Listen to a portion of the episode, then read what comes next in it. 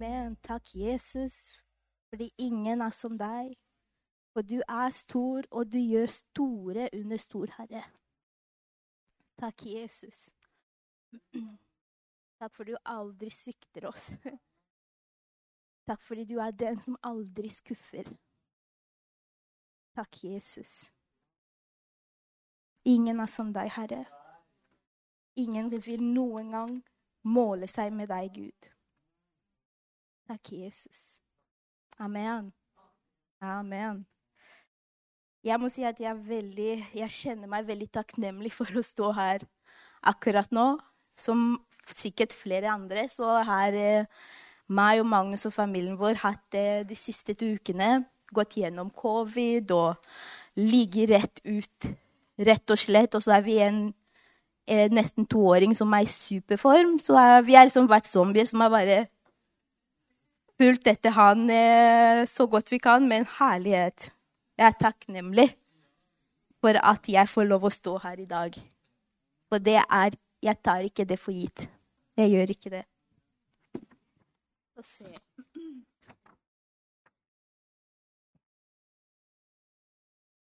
Jeg vil begynne med å si at Gud er god.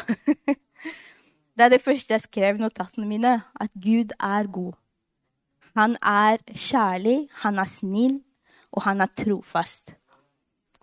Og det er noe som kommer aldri til å endre seg. Så mens vi prater sammen i dag om Jeg, jeg har lyst å prate om menighet i dag.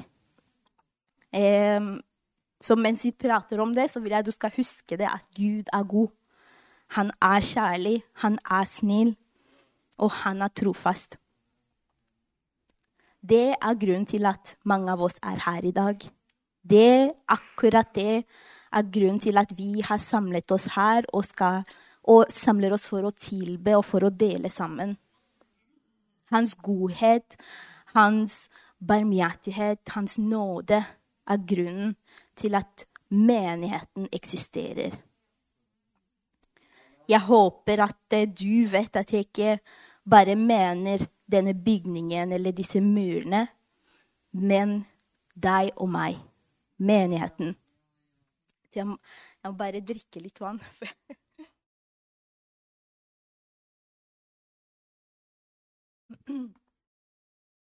Menigheten er oss, Guds barn, som er frelst, befridd, gjort ny og rettferdiggjort. Bibelen forteller oss at vi, hans folk, er hans kropp. Alle som har valgt å leve livet med Jesus, er et lem i hans legeme. En del av Jesu kropp. Menigheten er hans kropp. Og jeg sier alt det her om og om igjen, fordi jeg vet at det er flere her som har hørt det her om og om igjen, og dette er noe vi kan. Men jeg tror også at det er en av grunnene til at vi tar det for gitt. Um, så når vi går videre nå, så vil jeg at du skal huske Gud er god, Gud er kjærlig, han er snill, han er trofast. Men han har også kalt deg til å være hans. Til å være et lem på hans legeme, hans kropp. Altså, vi bruker, vi bruker termin, denne type terminologi så ofte at det blir så familiær. Det blir bare når vi prater om. Men det var aldri meningen at det her skulle bare være en samtale. Det skal være noe vi er, noe vi gjør. Det er menigheten.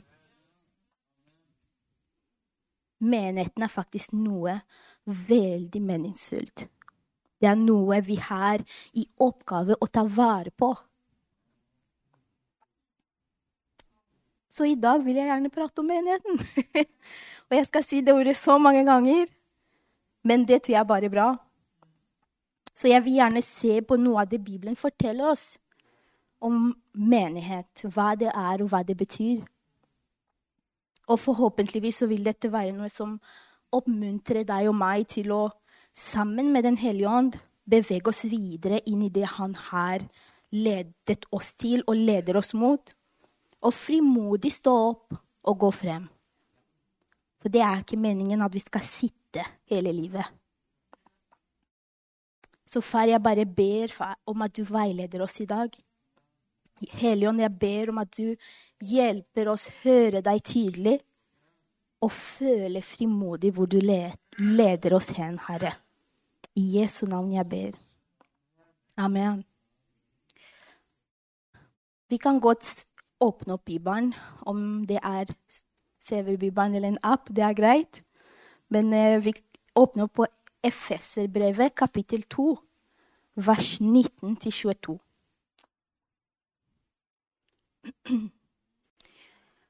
Og der står det Derfor er dere ikke lenger fremmede og utlendinger, men medborgere med de hellige, og dere hører til Guds husfolk. Dere er bygd opp på apostlenes og profetenes grunnvoll, og Jesus Kristus selv er hovedhjørnesteinen. I ham blir hele bygningen føyd sammen, og den vokser til et hellig tempel i Herren. I ham blir også dere bygd opp, sammen med de andre, til en bolig for Gud i ånden. Altså, jeg skulle ønske at jeg satt når jeg leste det, og så kjente jeg bare wow, En vind og en storm. Nei, for det meste tenkte jeg bare Hæ? Altså, det er flere ord her som virker litt sånn derre Ja, du må nok forklare litt mer, Helligånd. Fordi jeg er en som har vokst opp i en kristenhjem. Jeg er en som har hørt mange bibelvers om og om igjen, men det betyr ikke at jeg forstår alle sammen. Og jeg har vært helt avhengig av Den hellige ånd for å virkelig se hva som er i Guds hjerte. Så hvis du har lest disse versene for å bare tenke jeg skjønner meg ikke på hva det her handler om, det er helt greit, du er ikke alene, men vi har Den hellige ånd. Og han åpenbarer. Og jeg måtte søke litt opp og lese både på norsk og engelsk, egentlig. Men så leser jeg medborgere i forhold til hva Paulus mener om det å være en medborger med de hellige. Vet du at det betyr at du har en borgerskap i Guds rike? Vet du at det betyr at du har borgerrettigheter i hans hjem? Hjemmet som Gud bygger. Når han sier 'jeg bygger', så mener, så mener Paulus at Gud bygger et hjem. Og du har tilhørighet der. Og du har rettigheter der. Vi hører til Guds rike, og Hans rike er vårt hjemland. Du er ikke lenger en fremmed. Altså, jeg har kanskje en litt annen erfaring når det gjelder det med hjemland og det å være en fremmed og det å finne sin nasjonalitet og alt det. Jeg har på en måte hatt en liten reise på det. Så jeg har en forståelse av hva det betyr å ønske et hjemland. Hva det betyr å tilhøre en plass. For jeg har vært på begge ender. Og jeg kan si deg at det er en viktig, viktig del av det å være et menneske. Det å vite at her tilhører jeg. Her har jeg en plass. Og det å vite at Gud har kalt meg inn til Han og sagt at Kesia, uansett hvor ditt hjemland er, så tilhører du meg. Du og jeg, vi tilhører Guds rike, og Hans rike er vårt hjemland. Uansett hvem du er, uansett hvor du er født, uansett hvor du kommer fra, uansett hva enn det er som foregår i ditt liv, så har du et hjem. Du har et sted du tilhører. Du er ikke en fremmed. Når Paulus kaller oss for husfolk Altså, det kan skjønne at det, det er noen ord som blir litt sånn rare for meg. Husfolk. Men så skjønte jeg fort at det betyr familie. Jeg blei så glad når Liv leda møtet her, og hun sa ordet familie flere ganger. Og det gjorde meg så glad, for det var en litt sånn der pekepinne fra Den hellige ånd. Det er riktig det du skal prate om i dag. Det går med i hele tematikken. Så vi blir kalt for husfolk. Og det skal vi feire som bare det, for det betyr at vi er én familie. Guds familie. Gud har tatt oss inn til ham og gjort oss til sine familiemedlemmer. Kan du tenke deg? Kan du bare tenke deg hva det betyr? Jeg vet at vi, Det er ikke alle som har positive erfaringer om hva en familie betyr. Men her tenker Gud på den beste, akkurat hva en familie skal være. I dette hjemmet som bygges, er det Jesus som er hovedhjørnesteinen. Alt som bygges, sentreres rundt ham. Han holder alle delene sammen. Det står at i ham blir hele bygningen føyd sammen, og den vokser til et hellig tempel. Når jeg tenkte på hellig tempel, så altså, Vi kan ha mange konnotasjoner rundt disse ordene. Men jeg ser en helligdom. Jeg ser et fristed. Jeg ser et tilfluktssted. Jeg ser en innviet plass. Jeg ser en dedikert plass. Jeg ser en atskilt plass. Jeg ser en helig plass atskilt til Guds nærvær. Og det står at i ham blir også dere bygd opp sammen med de andre. Altså, vi blir bygd opp i fellesskap med hverandre til en bolig for Gud i ånden. Er ikke det herlig? Først så kaller han oss familie. Gud allmektig, skaperen av hele universet. Han som har bygd deg celle for celle. Han som kjenner hvor mange hårstrå du har på hodet ditt. Han. Han sier, 'Du er min familie'. Ærlighet, hva har jeg gjort for å fortjene det? For å bli kalt en som tilhører Guds hus? For å bli kalt hans folk? Hva er det vi har gjort for å fortjene det? I absolutt ingenting. I, FS, i Efeserbrevet, kapittel 4, vers 16, står det ut fra ham blir hele kroppen sammenføyd og holdt sammen ved den oppgaven det enkelte ledd har, etter virkning av den styrke som er gitt hver del. Dette skaper vekst for hele kroppen til dens egen oppbyggelse i kjærlighet. Jeg vil bare påpeke det verset før vi prater litt om Jesus, hjørnesteinen. For det er i ham vi er bygd opp. Det er i ham hver del blir satt sammen. Han er senteret. Han er den som holder alle delene sammen. Så når, jeg, når vi snakker om hva er det vi har gjort for at vi skal fortjene å bli kalt Guds barn, hans husfolk, hans folk, tilhørighet i Guds rike, så må, vi, så må jeg bare si det er akkurat han, Jesus. Han, han som ofra alt, gjorde alt for at vi skulle komme inn, for at vi skulle bli tatt inn, for at vi skulle bli bygd opp, for at vi skulle få den, disse titlene og bli kalt for Guds barn uten at det er fortjent. Og det er han, på grunn av Jesus, det er i hans kropp at vi blir bygd som en menighet. Når vi studerer hva Bibelen sier om menigheten, så møter vi på uttrykk som kan virke litt store. Litt familier, og vi kan ha mange konnotasjoner rundt det. Altså, uttrykk som fellesskap og enhet, Jesu kropp, kjærlighet. Og la, la, oss ikke engang starte med Jesu kropp-delen, for når du først begynner å prate om det med noen som ikke er vant med det, så blir det en hel greie. Men her snakker vi rett og slett om en enhet av folk som fungerer som ett. Akkurat som Jesus er med Gud Faderen, så skal vi være med hverandre. Her blir mennesker uttalt som essensielle, nødvendige og uerstattelige deler av en voksende familie. Det er det jeg leser når jeg leser disse versene. Når Jesus sier at du er et lem på mitt legeme, så sier han at du er en nødvendig, uerstattelig del av den jeg er. Er ikke det helt utrolig? Han sier du er en essensiell, nødvendig, uerstattelig del av den jeg er. Jesus sier det om deg. Jesus sier det om deg.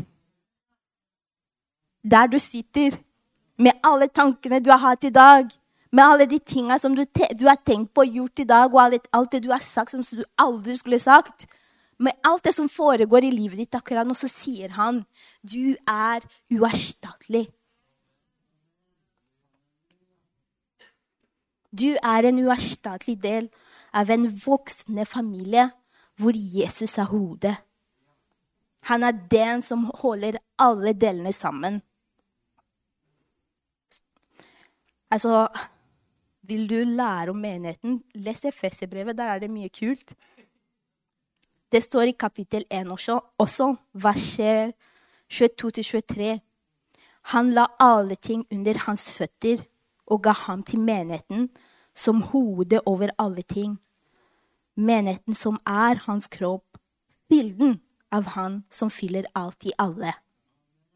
Du uerstattelige del av den Jesus er. Vet du hva mer du er? Du er fylden av ham som fyller alt i alle. Herlighet blir du ikke bare helt sånn pff. Det eksploderer hos meg. Jeg, Kessia Wold, blir uttalt som en fylde av ham som fyller alt i alle. Tenk på det. Er ikke det så spesielt? Altså, jeg og deg blir beskrevet som noen Altså, jeg tror vi har en tendens til å føle litt synd på oss selv. Altså, vi blir ikke beskrevet som noen Jesus sin synd på, tok, liksom så vår svakhet og vår skrøpelighet, og så la oss til som en del av han fordi han, bare, han er så snill, vet du. Han syns så synd på deg. Jeg tror det er mange av oss som faktisk går og tenke sånn og leve livet vårt på den måten. Og jeg må bare sitte her jeg, og ta imot, vet du, fordi Jesus syns så synd på meg at han tok imot meg. Jeg tror det er på tide at vi slutter. Nei, menigheten blir, ikke beskrevet, blir beskrevet som deg og meg. Og vi blir uttalt som Guds folk, Guds folk som bor i Guds hus og som tilhører og har rettigheter. Vi er ikke bare gjester, invitert inn fordi han syns synd på oss og kan gi oss noen skrøper fra bordet. Nei, han kaller oss hans folk. Han uttaler seg til oss som vår far. Han kaller oss Guds barn, hans familie. Her uttales familie som noe positivt. Altså det familie er ment å være et fellesskap bygd på enhet, som vokser sammen i kjærlighet. Jeg må bare gjenta det. Menighet er et fellesskap bygd på enhet som vokser sammen i kjærlighet. Ingen skal være utelatt. Ingen er glemt, og ingen er forsømt.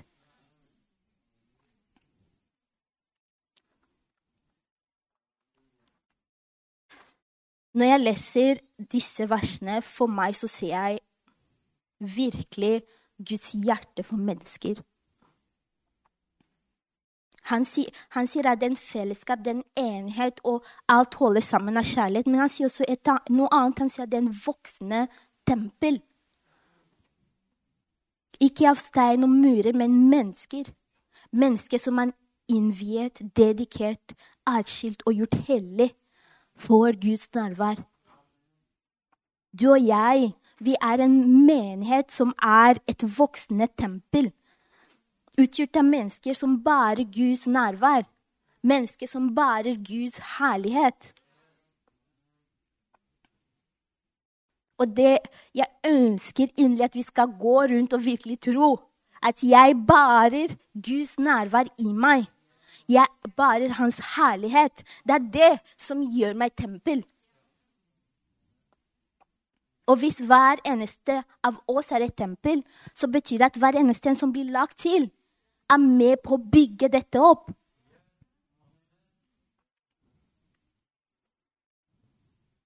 Hvis det er dette menigheten betyr, så må jeg i all ydmykhet spørre hvem er det vi tror vi er? Hva er det vi tror vi driver med? At vi reduserer oss selv til noen stakkarer som må trygle om det lille vi tror vi kan få. Og som må sette seg stille ned fordi vi har ingenting vi skulle sagt. Kan du ikke se hva du har fått i Jesus? Jeg snakker nå like mye til meg sjøl. Kan vi ikke se hva vi har blitt gjort i stand til? Og som sagt, det her er ikke noe vi har gjort oss fortjent. Nei. Men på grunn av Jesus så kan vi stå frimodig i visshet om at vi er blitt kalt Guds barn, hans folk. Du er innviet. Du er gjort dedikert til. Du er gjort avskilt og hellig for å bære Guds herlighet. For å bære Guds nærvær. Akkurat deg. Ikke hun ved siden av deg som alltid ser så pen ut. Ikke bare han som er så flink til å få andre til å le. Nei, deg.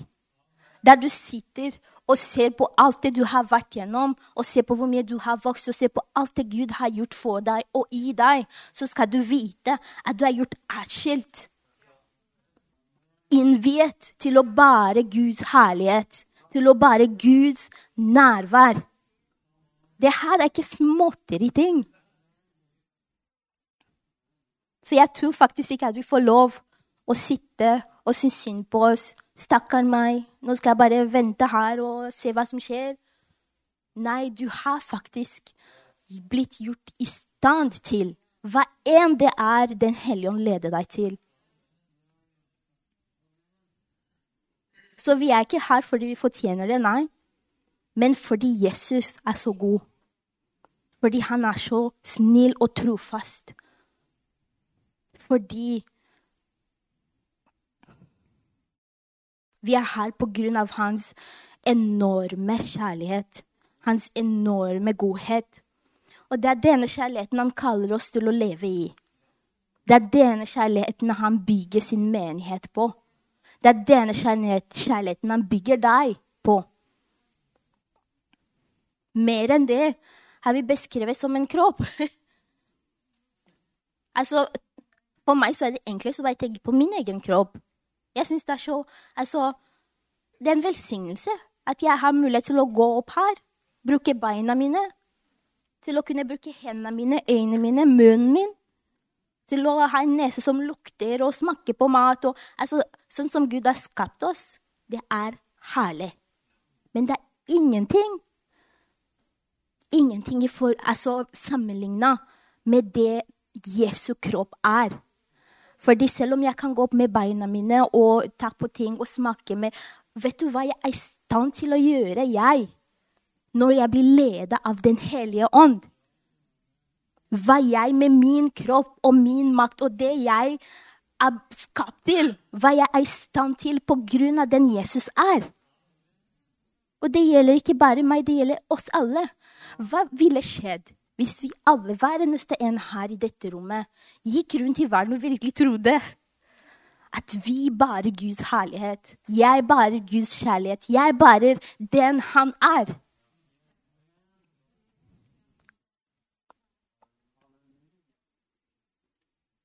Han, Jesus, bokstavelig talt forteller meg nå at han velger meg som partner. Som sin partner. Han ønsker at jeg skal bli med på det han skaper. At jeg skal bli med på det han gjør, det han sier. Jeg skal ikke bare dras med som en last, men at jeg er en viktig del som driver det hele framover. Du er viktig for at kroppen skal fungere som den er ment å fungere. Du er viktig for at kroppen skal være sunn, og at den skal ha det bra, og at den skal vokse. Uten deg så er det ikke det samme. Du er her for en grunn.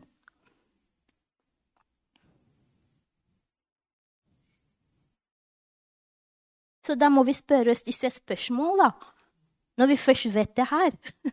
Da må vi spørre oss hva, hva er det det betyr at vi blir beskrevet som menigheten. At Jesus sier ikke 'gå og bygg opp flere, mange hus', eller 'gå og bygge opp flere bygninger og fylle det mennesker'. Nei, han sa 'du'. Du er menigheten. Du er min tempel. Hva betyr det at du er en voksende tempel?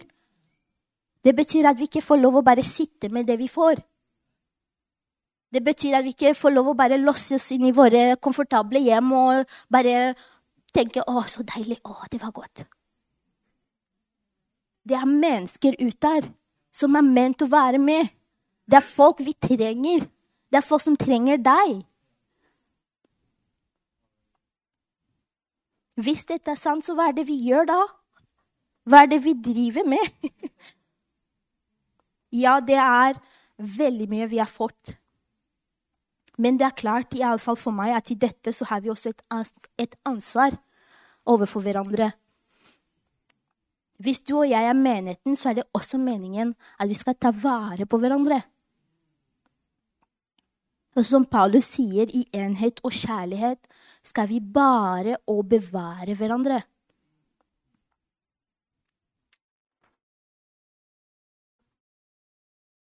Jeg opplever at vi på mange måter kan ta, kan ta dette for gitt. Jeg må si at jeg har tatt det for gitt.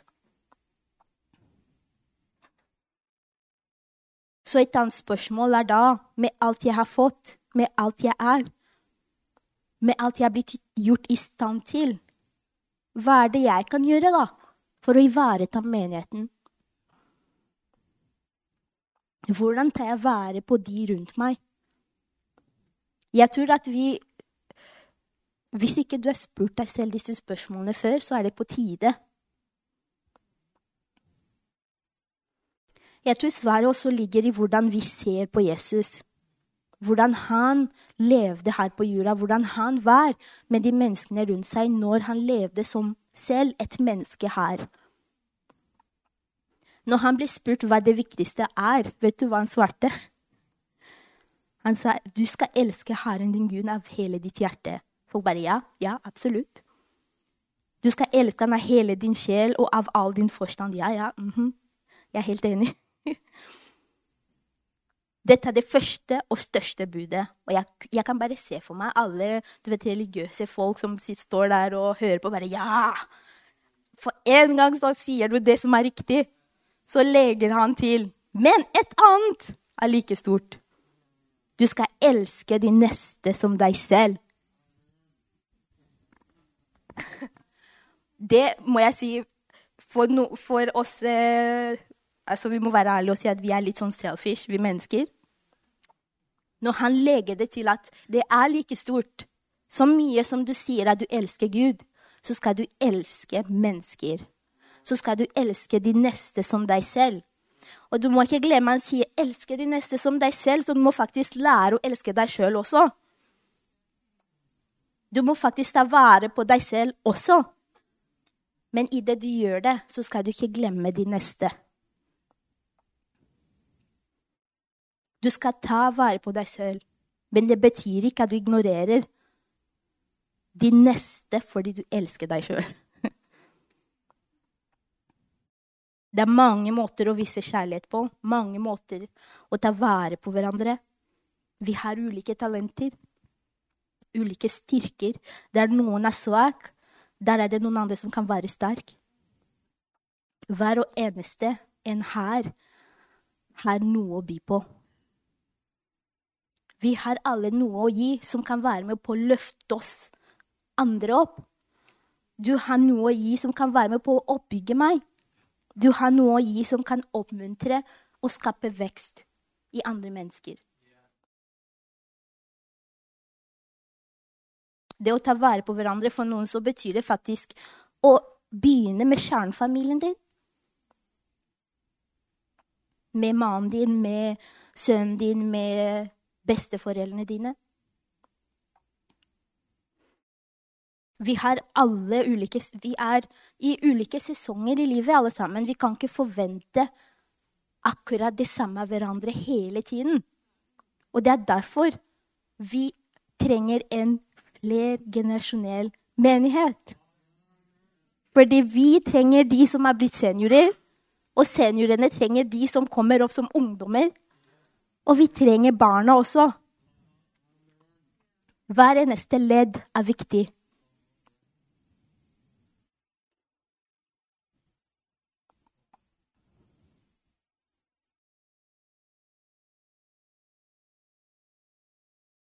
Altså, jeg kan se hvordan vi som mennesker kan prioritere tiden avhengig av våre omstendigheter. Og det er helt forståelig, men det betyr heller ikke at vi skal ignorere det ansvaret vi har overfor hverandre. Altså, Guds menighet er person i dette rommet. Beklager. Fortsatt tett nese. Hvordan du tjener andre, og hvordan du fungerer som en del av Jesu kropp, det er helt opp til deg og Den hellige ånd. Det er faktisk ikke noe med noen å gjøre. Fordi han vil lede oss til å finne ut hva det er, hvem det er vi er, og hva det er vi ønsker å gjøre for å være en viktig del, for å fungere som den delen av Jesu kropp som vi er. Men det kan Den hellige ånd hjelpe deg til å finne ut av. Og det kan de rundt deg som du stoler på, som du har en relasjon til, også hjelpe deg å finne ut av. Men jeg vil altså oppmuntre deg til å utforske hva dette betyr for deg. Hva er det du har å gi? Fordi jeg kan love deg at vi andre trenger akkurat deg. I Apostlenes gjerninger, kapittel 20, vers 28 står det. Derfor gi akt på dere selv og på hele den flokk som Den hellige ånd har satt dere som tilsynsmenn i, for å vokte Guds menighet som han kjøpte med sitt eget blod. Jeg har alltid trodd at det verset gjelder kun Runar. Altså, det gjelder bare pastorer. altså. Jarl og Jan Helge og de folka som driver og gjetter flokka, hvis du skjønner. Men det gjelder faktisk oss alle sammen. Gi akt på dere selv og på hele den flokk som Den hellige ånd har satt dere som tilsynsmenn i. Vi er tilsynsmenn for hverandre. For å vokte Guds menighet, som han kjøpte med sitt blod. Han kjøpte hver eneste liv med sitt blod. Han ofret alt for hvert eneste menneske i dette rommet.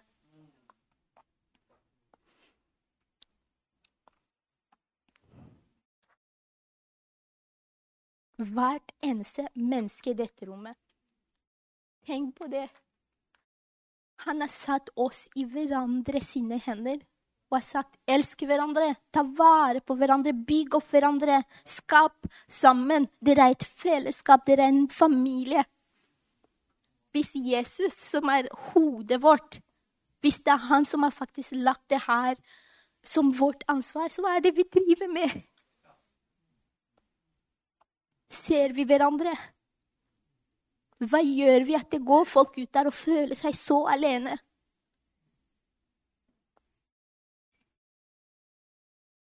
Hva gjør vi med det vi vet? Så la oss be at Den hellige ånd virkelig tenner en brann i oss. Eller jeg får fanne den som er der fra før. fanne den og gi den ny liv. La oss be at den tenner et helig brann i oss som beveger oss til modige gjerninger. Et brann som beveger oss til å kjempe for hverandre til å bære hverandre, til å styrke hverandre, til å faktisk se hverandre. Altså, jeg må si at jeg opplever meg sjøl som en introvert. Jeg elsker å være med folk og det å være sosial, men hvis jeg ikke begrenser hvor mye jeg er sosial, så blir jeg faktisk helt tømt. Jeg kjenner, jeg kjenner at bare energien tømmer seg veldig fort. Så når jeg har fått vært litt for meg sjøl og ladet opp, så er, det, så er jeg klar igjen. Sånn er jeg. Og du er på din egen måte, du også. Men jeg, jeg innser for hver gang at den tida for meg sjøl er viktig, men så er også den tida jeg har med andre. Det, det er ikke motsigende. De er faktisk viktige, begge to disse tidene jeg har. Jeg sier dette fordi vi er alle forskjellige, og vi opplever livet på ulike måter. Og det skal vi alle ha respekt for. Du skal kunne være deg selv, Det er ikke meningen at du skal tvinge deg selv til å være noe som kjennes helt unaturlig, eller stadig vekk gjøre ting som du ikke er komfortabel med. Det er ikke meningen at det skal være sånn. Samtidig så er det kanskje også hele poenget. At vi sammen med Gud finner ut hvor grensene våre er, sånn at vi sammen med Han kan også tørre å vokse forbi disse grensene. At vi lærer og finner ut av hva det er vi er gode på og syns er gøy å gjøre, for det er akkurat det Gud kan bruke. Det er det han kan bruke til å velsigne andre, til å oppmuntre, til å bygge og til å skape noe nytt. Du er viktig, men du er heller ikke alene om det. Du er verdifull, men det er også personen som sitter rett ved siden av deg. Du skal ivaretas, men det skal også kona di og mannen din og barna dine og foreldrene dine og vennene dine og menneskene her i dette rommet. Det er sant som de sier, vi kan ikke være alt for alle. Det er veldig sant, men vi kan være noe for noen. Vi er veldig velsigna som, som, får lov å være en del av Jesu kropp. Og vi er velsigna som det er faktisk en privilegium at vi har en plass som det her å komme til og sitte og dele og høre Guds ord og prise Gud sammen og ha fellesskap. Selv om menigheten ikke handler om disse murene, så er det utrolig godt at vi har faktisk et fritt sted å komme og uttrykke vår tro. Det er ikke alle som er så privilegerte. Det er ikke alle som får lov å sitte i frihet og tilbe som vi gjør. Det er en velsignelse.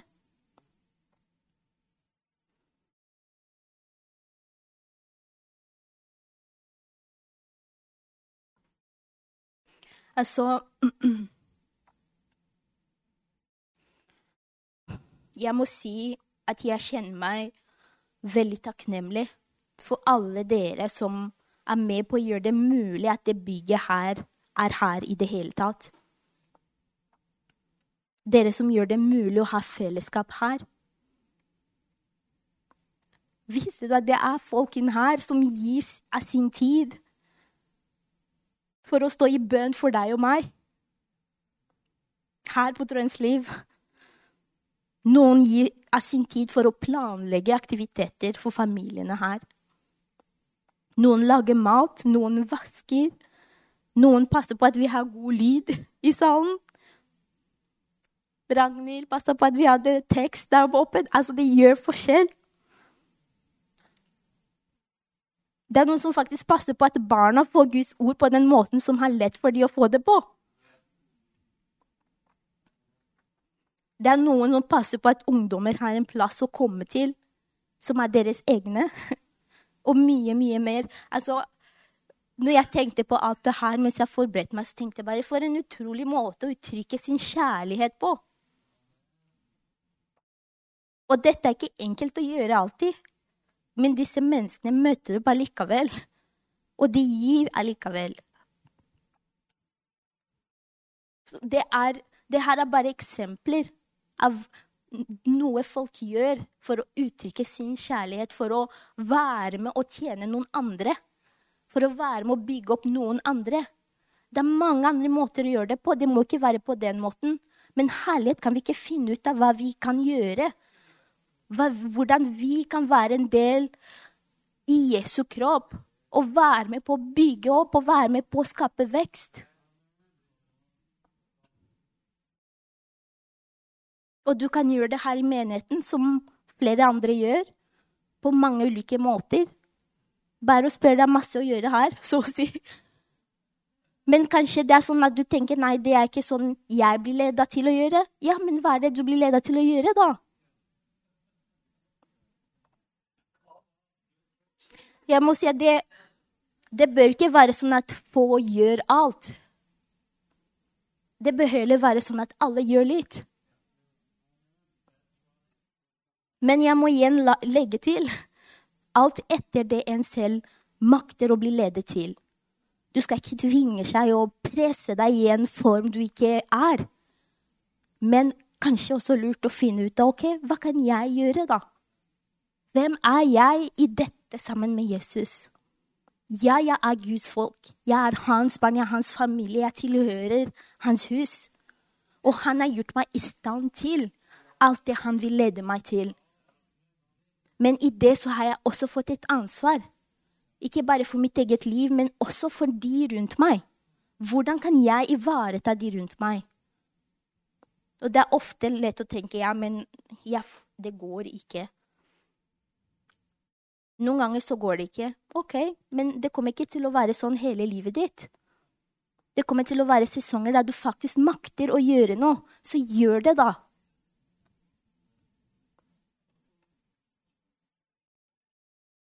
Jeg håper at vi husker hvem vi er, og hva vi har fått. Fordi det er enormt. Det er stort nok til å forandre liv. Og det bærer du i deg. Du bare går rundt og tenker 'jeg bare meg', men du faktisk bærer noe som kan forandre liv i deg. Herlighet.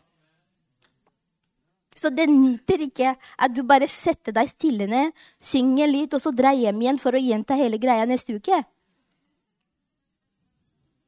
Altså, du kan godt gjøre det hvis det er det du ønsker. Absolutt. Hvis du har lyst til å komme hit og synge sanger og kjenne, få en god følelse og prise Gud, og så dra hjem igjen og så komme tilbake neste søndag, og det er du fornøyd med, OK. Det burde ikke være sånn at du er tvunget til noe du ikke, absolutt ikke har lyst til å gjøre. Men jeg kan bare si deg sånn at Gud har noe mer for ditt liv. Gud kan sette deg i brann der du kjenner alt er blitt livløst. Han kan tjene et brann der det trengs. Han kan fane det i liv. Fordi du har Den hellige ånd i deg, så er alt mulig. Og jeg sier ikke det fordi jeg er en sånn veldig optimistisk person. Egentlig ikke.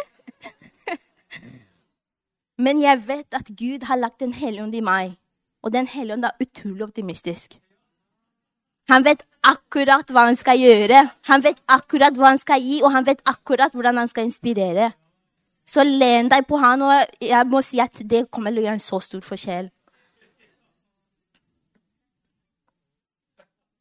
Gud ønsker å skape. Det er i hans natur at han ønsker å skape. Han vil gjøre noe nytt. Han vil at vi skal leve et brennende og spennende liv med Jesus. Men det hele begynner med et ja fra oss. Et ja til å fungere som partnere. Et ja til å være med på det Gud ønsker å gjøre i oss, i de rundt oss, det han ønsker å gjøre med oss, og de rundt oss også. Skal vi tøre? Skal vi tøre å la Den hellige ånd lede? Fordi når han leder, så er det ofte at eh, vi har våre grenser. Vi sier når jeg kommer dit, så stopper jeg. Jeg klarer ikke. Jeg kommer ikke lenger. Og det er helt greit. Jeg, altså, det er flere av de bønnene jeg har hatt for meg sjøl, har vært Gud, der stopper det. jeg kommer ikke lenger enn det. Men for, altså, så hver gang jeg har sagt ja til Den hellige ånd, han er ikke pusha, han har ikke vært respektløs overfor mine grenser. Nei, han har faktisk gjort motsatt. Han har respektert de grensene jeg har overfor livet mitt. Men sakte og sikkert så han hjulpet meg vokse forbi de også.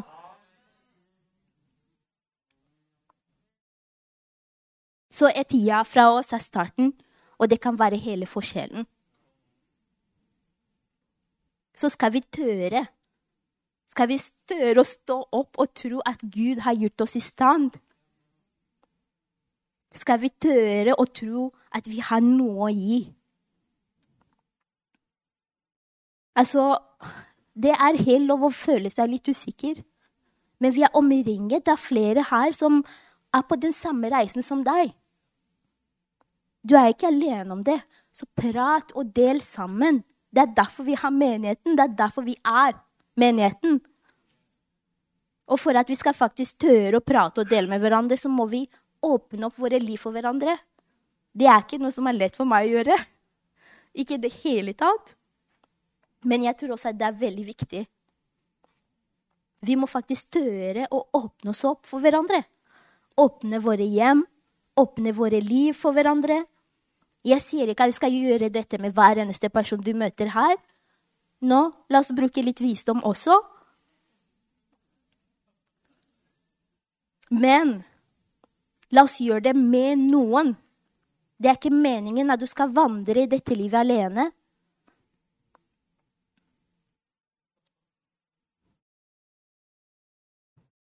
Hva er det som ville skjedd hvis vår vennlighet, våre fine smil, våre gode handlinger og hensikter ikke bare stopper i døra her når vi skal dra hjem igjen?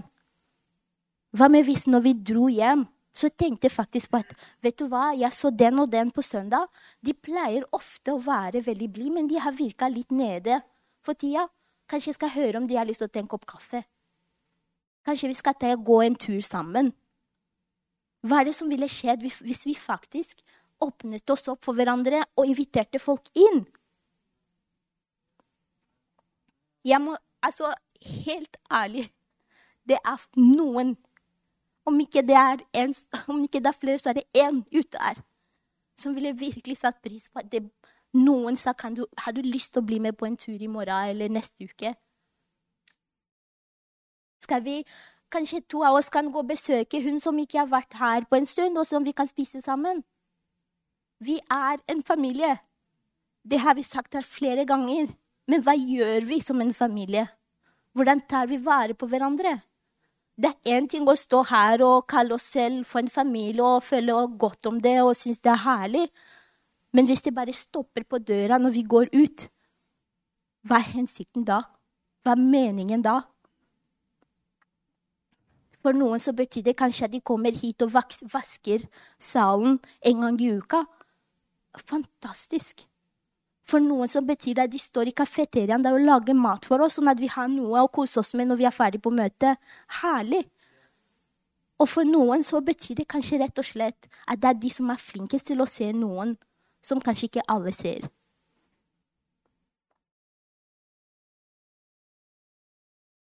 En god eksempel jeg hørte en gang, jeg tror i hvert fall at jeg hørte det en gang. Jeg husker ikke. Men eh, det er noen som sa det at hvis du ser at noen blir utelatt, så er det kanskje meninga det er akkurat deg som ser det. Så er det kanskje meningen at du som ser den personen som blir utelatt, at det er kanskje deg som må invitere de inn. For det er deg som så de. Det syns jeg var bra.